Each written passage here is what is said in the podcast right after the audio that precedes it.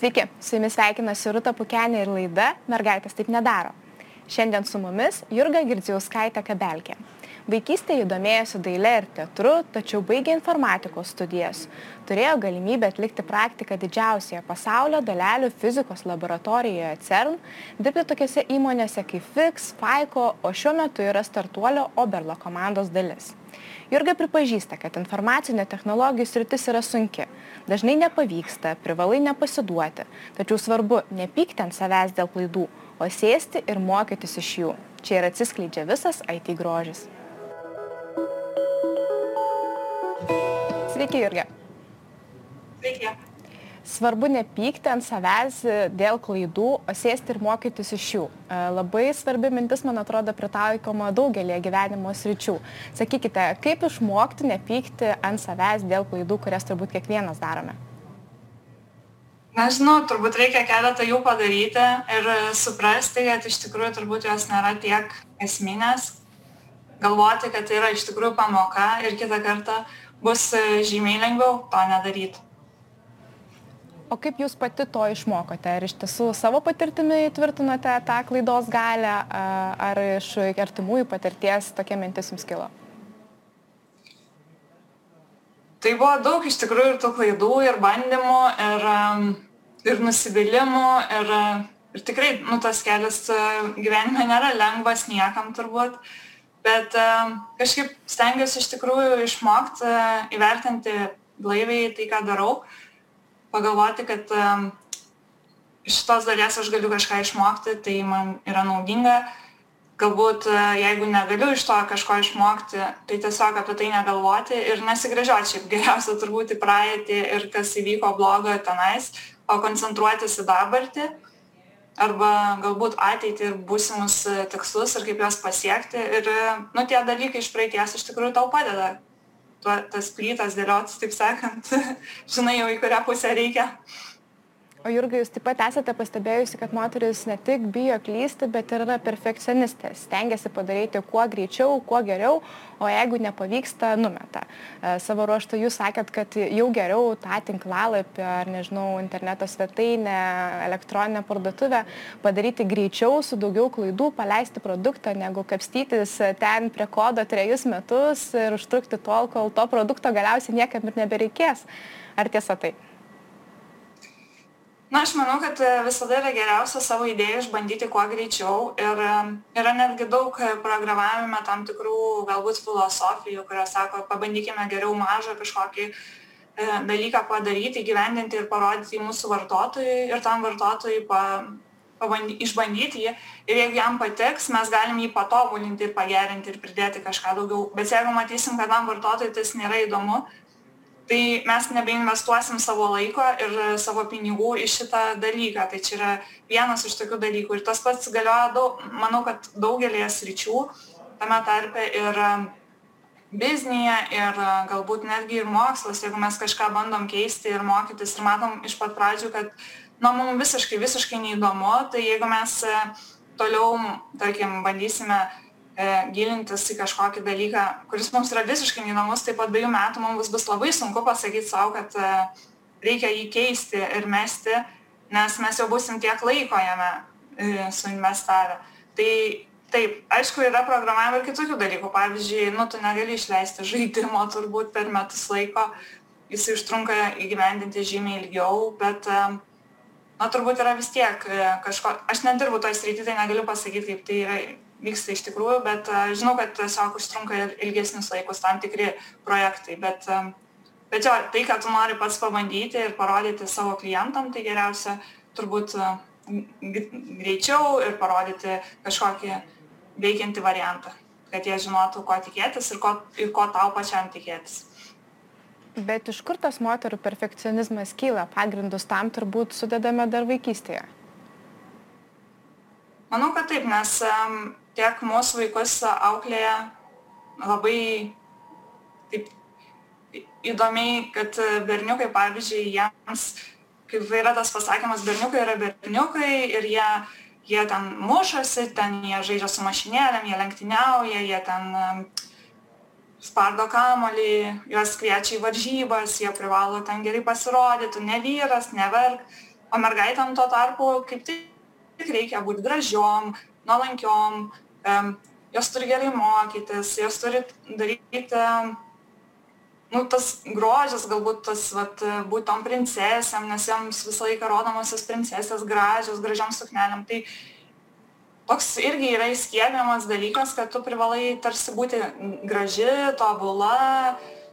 Ir tas tobulumo siekimas, tai tau nu, visada tu matysi kažkokį tai netobulumą savyje, ir, nes jų visą laiką yra ir bus ir save kritikuosi dėl to. Tai vat, ir atsiranda tas, kad mes visą laiką esame iš tikrųjų taip nusteikusios būti tom perfekcionistėms, siekti to grožio, tik tai, tik tai labai gerai padariusios mes galim savo leisti čia parodyti šitą darbą.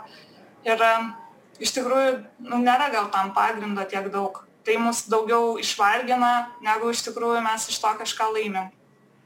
Bet jūsų šeima šiek tiek kitokia ir šiek tiek kitokiomis mintimis jūs augino tiesa. Man labai įsiminė jūsų atviras pasakojimas apie tai, kad jūsų tėvai buvo, yra inžinieriai ir e, nuo pat mažumės jūs buvote supažindinama ir su visomis galimybėmis, kurias gali turėti ir mergaitės, ir berniukai. Ir programuoti tapote ne tik jūs, bet ir dvi jūsų seseris. Gal galite daugiau papasakoti apie tai? Taip, tai mano tėvai yra inžinieriai, abu du. Tai aš visada gaudavau daug pagalbos matematika ir fizika, tai man tie dalykai nebuvo kažkaip ypatingai sunkus. Um, tėtis parnešė kompiuterį į namus, jisai tikėjo, kad kompiuteris yra ateitis, tai um, bandė mus kažkaip išmokyti jais naudotis ir um, tai tiesiog atnešė gal, kai mums buvo kokių 12 metų ir uh, leido su juo daryti, ką, nori, ką norim, tai mes galėdom uh, žaisti žaidimus, uh, rašyti, piešti tenais. Uh, Vienintelis dalykas, gal ko mes neturėjom ilgą laiką, tai internetas, bet kai atradom tą interneto džiaugsmą, kad gali atsisiųsti kažkokių dalykų iš jo ir, ir jie buvo, nu, tai buvo kažkoks stimulas irgi ten įlysti ir pasižiūrėti, tai atradom, kad yra ir interneto kavinės ir tėtis į burelį buvo įrašęs. Tai tas kompiuteris visą laiką mus lydėjo, bet iš tikrųjų aš niekada gal neplanavau studijuoti kompiuterijos kaip po tokios, tiesiog tas kompiuteris buvo visada šalia ir aš žinau, kad na, jo vis tiek reikės, nes mums reikės ir darbe turbūt kažką, dokumentus ar prezentacijas gaminti. Bet kuriuo atveju tas kompiuteris buvo toks labiau, kad žinau, kad jo reikės, bet niekada negalvojau, kad aš su jais ir dirbsiu bet ar tėvai bandė kažkaip sužadinti jūsų smalsumą ar kažkokių taktikų laikytis? Po pirmosios mūsų laidos sulaukiau labai įdomus komentaras sako kad dabar turėti šeimoje vieną programuotoją prilygsta ankstesniems laikams kai šeimoje būdavo bent vienas kunigas o štai jūsų šeimoje net trys programuotojos.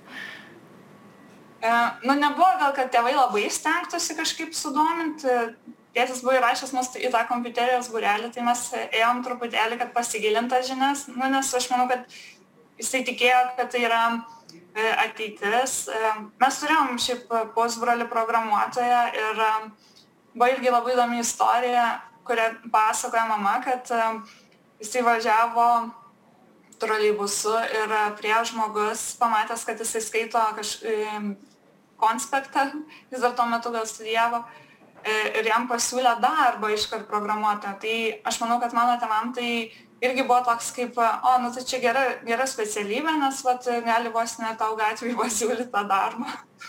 Ir, nu čia aišku, toks atsitiktinumas taip gavosi, bet aš manau, kad jie kažkaip mane, kad jo, kad tai yra geras darbas, kad ten sunku patekti ir studijuoti tais laikais buvo, kai mano pusbrolis pradėjo studijuoti. Ir, ir galimybių daug. Tai jie, aišku, turbūt truputėlį norėjo to, kad mes ten eitumėm. Bet e, va, kaip tik irgi prieš kelias dienas šnekėjau, kad aš turėjau dar ir vieną pavyzdį tokį, apie kurį galbūt pati niekada nesusimašiau, bet um, mano abi programavimo mokytojas, jos irgi, mes turėjom dvi mokytos programavimo ir um, mokykloje ir abi buvom moteris, tai irgi tas tokia specialybė atrodė, kad visai jinai yra ir moterim draugiška galbūt. Jūs užsiminėte apie pusbrolio istoriją, iš tiesų, na, net šmikštų girdėti darbo pasiūlymus autobuse. Ar tiesa, kad ir dabar programuotojai vis dar medžioja itin atkakliai ir geri profesionalai sulaukia, nežinau, kelių pasiūlymų per dieną, per savaitę? Papasakokit mums.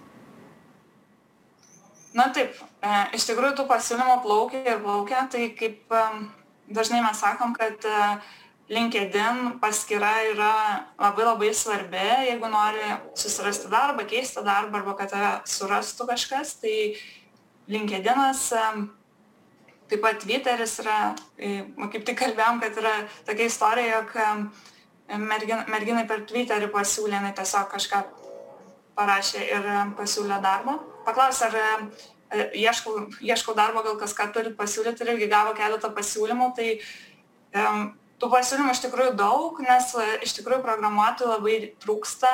E, jų yra, jie kaip, e, kaip darbuotojai yra labai reikalingi, nes yra labai daug sričių, kur mūsų reikia. Tai visko nuo valstybės, tar, valstybės sektorių iki privataus verslo, nuo medicinos iki kosmoso. Tiesiog labai plačiai visiems reikia. Tai ar kokio appso, ar tai žaidimo, ar tai reikia tiesiog įrangos, ar tai netgi skalbimo mašinai įjungti, mes turime mažus ekranus, kuriuos reikia suprogramuoti, tai to, nu, tiesiog mes esam praktiškai visur, aš kartais pagalvoju, koks daiktas šiais laikais neturi ryšio su pro, nu, programuotojais arba technika, tai nu taip gal sakytum gėlių vazonas, bet jau ir Apple turi ir išmaniuosius gėlių vazonus, tai iš tikrųjų, man atrodo, praktiškai bet kokias rytis, viskas yra po truputėlį mechanizuojama ir automatizuojama ir, ir seka tavo kiekvieno žingsnį, tai bet gal gerąją tą pusę, kad tiesiog primena tau ir padeda būtyje, tai o kokia buvo jūsų darbo kelionė it srityje? Man tekę skaityti jūsų įvairių patirčių. Vienuose darbo pokalbiuose buvote palaikyta net administratore kitose sakote galbūt į juos tik pakviesta dėl to kad esate moteris. Ar iš tiesų moteris programuotojos kasdienybėje susiduria su stereotipais iššūkiais? Kaip atrodo tos paieš darbo paieškos moterims na aš esu iš tikrųjų darbo rinkoje jau kokius dešimt metų. Tai pačioj pradžioj tai buvo visko ten tikrai jau buvo žymiai mažiau merginų ir esu atėjus į darbo pokalbį ir man vienas vaikinas sako tai ku, į, į ką čia atėjai, ko, ko lauki, ten kažką, nu, tiesiog užkalbino, nes sėdėjau prie durų ir sakau, nu, tai programuotojas ir sako, o, aš galvojau, pro, administratorė pasiekėm, tai pabudu. Bet jo, aš kažkaip irgi tada gal nesureikšminu, kad tai gali būti kažkokia, nu, problema, kad mūsų kiek mažai. Bet E, taip, tų moterų yra iš tikrųjų dar vis nėra daug, dar vis yra gan mažas procentas. Ten, kur aš dirbu, galbūt yra šiek tiek daugiau, nes įmonė specifiškai stengiasi, dirba ir save pozicionuoja, kad tų moterų ateitų daugiau, kitur galbūt yra šiek tiek mažiau. Um, tai moterim iš tikrųjų geras rytis. Taip, mane yra irgi pakvietę į darbo pokalbį labiau dėl to, kad esu mergina. Arba jeigu atsiunčia mergina dar, nu, kaip ir CV, tai irgi esam šnekėję, kad jis yra vienas iš kokių 30 ar 40, gali būti vienas per 3 mėnesius. Tai tada automatiškai, nu, tarsi labiau išsiskiria truputėlį ir bando tave ten pakalbinti. Tai nebūtinai, kad tave priimsi tą darbą ten taip lengvai, bet tu vis tiek turi atitikti tam tikrą kažkokį įmonės lygį, bet, bet ta galimybė ir tas, ta galimybė, kad tu išsiskiri iš to galbūt tų 30 CV jau yra tau didelis pliusas. Norėdami paskatinti šiek tiek moterų judėjimą į te, kartu su kolegėmis įkūrėte Vilnius Guild Scout. Gal galite papasakoti, kokias moteris ši organizacija, asociacija vienyje? E, tai čia iš tikrųjų yra labiau bendruomenė, mes, esam, mes nesam kažkoks e, galbūt juridinis e, vienetas, bet tiesiog kilo idėja suvienyti tas programuojančias moteris ir tas įvyko maždaug prieš penkis metus, net ne penkis, o labiau gal septynis. Tai visą laiką atrodo, kad penki, nes atrodo, kad viskas dar taip neseniai vyksta. Bet tai mes norėjome įkurti bendruomenę, suvienyti visas tas mūsų pažįstamas programuojančias merginas, kad kartu turėtumėm tokią erdvę pasikalbėti, aptarti, kaip jaučiamės, kaip galbūt susidurėm su kokiais sunkumais ir kaip galima galbūt e, tiesiog jau, nu, kaip pasišnekėti, kaip jaustis ir kaip geriau galbūt e, įveikti tam tikras situacijas. Ir kartu pasidalinti žiniom, moteriškai, taip kaip mums, kad priimtina, be galbūt kažkokių nusistatymų iš pat pradžių, pasidalinti, kas prie ko dirba ir susipažinti su įvairiom programavimo sritim, tai e, pradėjom tokį dalyką daryti. Dar ką pastebėjom, kad į mūsų bendruomenę pradėjo rinktis tie žmonės, kuriems yra įdomu. Taip pat pradėjom ir šitos žmonės e, šiek tiek įtraukti ir su jais šnekėtis ir pasakoti jiems, kad kaip iš šitas rytį prisijungti, kokie svarbus e, dalykai yra šitos rytį, kaip galima išmokti atsirado žmonių, kurie irgi pasidalino savo patirtim, kaip jie, pavyzdžiui, pakeitė savo programą, nu, ne, ne programavimą, bet galbūt kaip iš visiškai neprogramuojančios e, merginos patapo programuojančia. Tai e, visos šitos patirtis kitiems žmonėms irgi juos įkvepia ir jiems padeda e, galbūt rasti atsakymus į jiems kylančius klausimus. Tai maždaug taip pat ir išaugo šitą bendruomenę, atsirado daugiau veikiančių žmonių, ir tiesiog dalinamės tuo, ką pačius išmokstam, randam, surandam. Prieimus sprendimą pasukti į tech sritį, kur jūs patartumėte eiti? Aš išduosiu žiūrovams, kad pirmą kartą mes kalbėjome dar prieš penkerius metus login konferencijoje ir tuomet jūs sakėte, kad e, visai geras kelias yra pasirinkti ir visiškai nišinę programavimo kalbą ir mokytis programuoti ją. Ar šio patarimo laikytumėtės ir šiandien? Kaip pradėti dirbti tech srityje? Aš tai manau kad galbūt ką aš norėjau ir tada ir dabar pasakyti apie tą e, nišinę e, kalbą kad e, nereik jų bijoti nes tenais irgi yra galimybių ir dažnai būna kad tie nišiniai dalykai jie gal ir daugiau apmokami nes nes jie yra rečiau nu ta prasme rečiau sutinki tą specialistą tai dėl to kaip ir labiau jo reikia.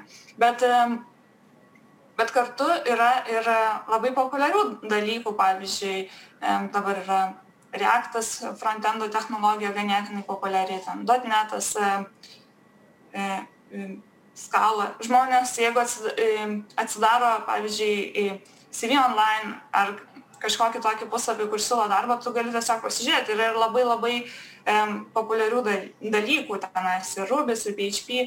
Tai visi šitie dalykai kuo jie yra gerai su jais dirbt tai kad e, irgi yra daugybė pasirinkimų. Tada daugybė įmonių kurios tavęs laukia yra daugybė žmonių aplinkui kurie tau padės. Tai manau kad e, ir viena ir kita yra gerai. Ir iš tikrųjų kam kokį man gerą yra patarimą davę tai yra nebijoti tiesiog nueiti kažkokią sritį ir jeigu matai kad nelabai gal ten sekasi tu gali ją pakeisti į kažkokią kitą sritį ganėtinai lengvai nes tu jau kaip ir žinai pagrindinius pagrindus turi, o pakeisti jau tą kalbą programavimo, pavyzdžiui, yra šiek tiek e, paprasčiau. Tai jau kai esi toje srityje, tai migruoti iš vieno į kitą yra žymiai paprasčiau gal negu ateiti visai į naują sritį, bet e, net jeigu ir ateini į tą naują sritį, tai pasirinkimų šiaip yra beproto daug. Nu, gali viską nuo ten žaidimų iki e, telefono aplikacijų, nuo puslapių iki duomenų bazių, tai gali labai labai pasimesti ir pas net nelabai suprasti, ko tu nori iš tikrųjų. Tačiau pačiam ieškoti gali būti labai sunku. Jurga, gal galėtumėte padėti ir įvardinti, pavyzdžiui, tris perspektyviausias programavimo kalbas? Na, aš tai dirbu su interneto technologijom, tai dėl to man yra labai sunku šnekėti, kas yra perspektyvų šiuo metu kitose, pavyzdžiui, srityse. Uh, bet e, pas mus frontende tai labai populiarus yra Reacto frameworkas, Vue, o backende galbūt yra populiaresnė e, programavimo kalba, kalba, tai visai PHP, dabar Scala, visai populiarios e, Java, .NET'as, gal net ne visai čia yra backendinė kalba, bet taip, tai va šitas, paskui mes turim React Native, jeigu darome telefonui aplikacijas, IO, uh, Swiftas yra iOS uh, programavimo kalba, tai yra Apple telefonams. Tai jo, manau, maždaug tiek, kas yra tokio daugiau mažiau populiaraus šiuo metu. Jurga, o dar pabaigai sakykit, kas jūs labiausiai sužavėjo IT srityje, kodėl į ją pasukote ir kodėl norite čia pritraukti daugiau žmonių? Man asmeniškai tai labai patinka spręsti uždavinius ir man būna tokių dienų, kai aš iš tikrųjų gal net ir nelabai noriu bendrauti tiek su žmonėm, kiek aš tiesiog noriu išspręsti problemą, tai mane tas pr problemos sprendimas labai, e, labai vilioja, bet e, kartu šitas darbas nėra iš tikrųjų tiek e, galbūt sausas ir prie kompiuterio. Mes daug bendraujam tarpusavį, mano komanda yra 11 žmonių, tai tenka ir pasėdėti ir pagalvoti, kaip geriau įgyvendinti kažkokį tai galbūt e, sprendimą ir pasitarti ir turim ir komandiruočių, ir kelionių. Tai tas rytis yra tokia labai įvairi ir e, jinai įvairiapusiška. Ir aš manau, kad e, kodėl aš norėčiau, kad čia būtų daugiau žmonių, tai dėl to, kad žmonių įvairovė atneša daugiau požiūrio ir daugiau skirtingų galimybių E, tiek pačia, pačiai aplikacijai. Pavyzdžiui, būtų e, toks pavyzdys, kad e, kai buvo sukurti VR akiniai, tai yra praplėstos realybės, tai nebuvo pasitelkta nei viena moteris juos testuojant ir moterų akių judesiai šiek tiek skiriasi nuo vyrų ir jom uždėti akiniai jas supykindavo nuo to akinių.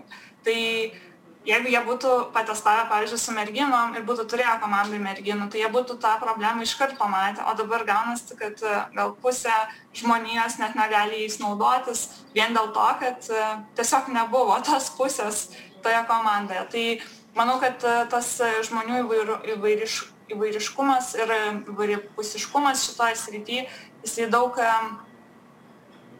daug prideda. Mes išspręstumėm daug daugiau problemų, kurios yra iš tikrųjų aktualios daugam. Ir tarkime, tie patys žmonės su negalė, jeigu jie būtų komandoje, mums būtų daug lengviau suprasti, kaip e, jie naudojasi mūsų prekiamis, mūsų e, įrangą ir galėtumėm ir jiem pritaikyti kažką daugiau. Tai manau, kad va, čia yra didžiausia priežastis, kodėl mums reikia šitų žmonių. Labai tikiu, kad vieną dieną taip ir bus. Ačiū Jums, Jurga, už pokalbį. Ačiū. Ačiū Jums, kad buvote kartu. Labai tikiu, kad Jurgos mintis įkvėps ir įgalins. Dėk padėkoti taip pat norėčiau mūsų projekto ambasadoriui, kuris padeda Jurgos mintis išgirsti plačiau - Baltic Amadeus. Iki kitų susitikimų.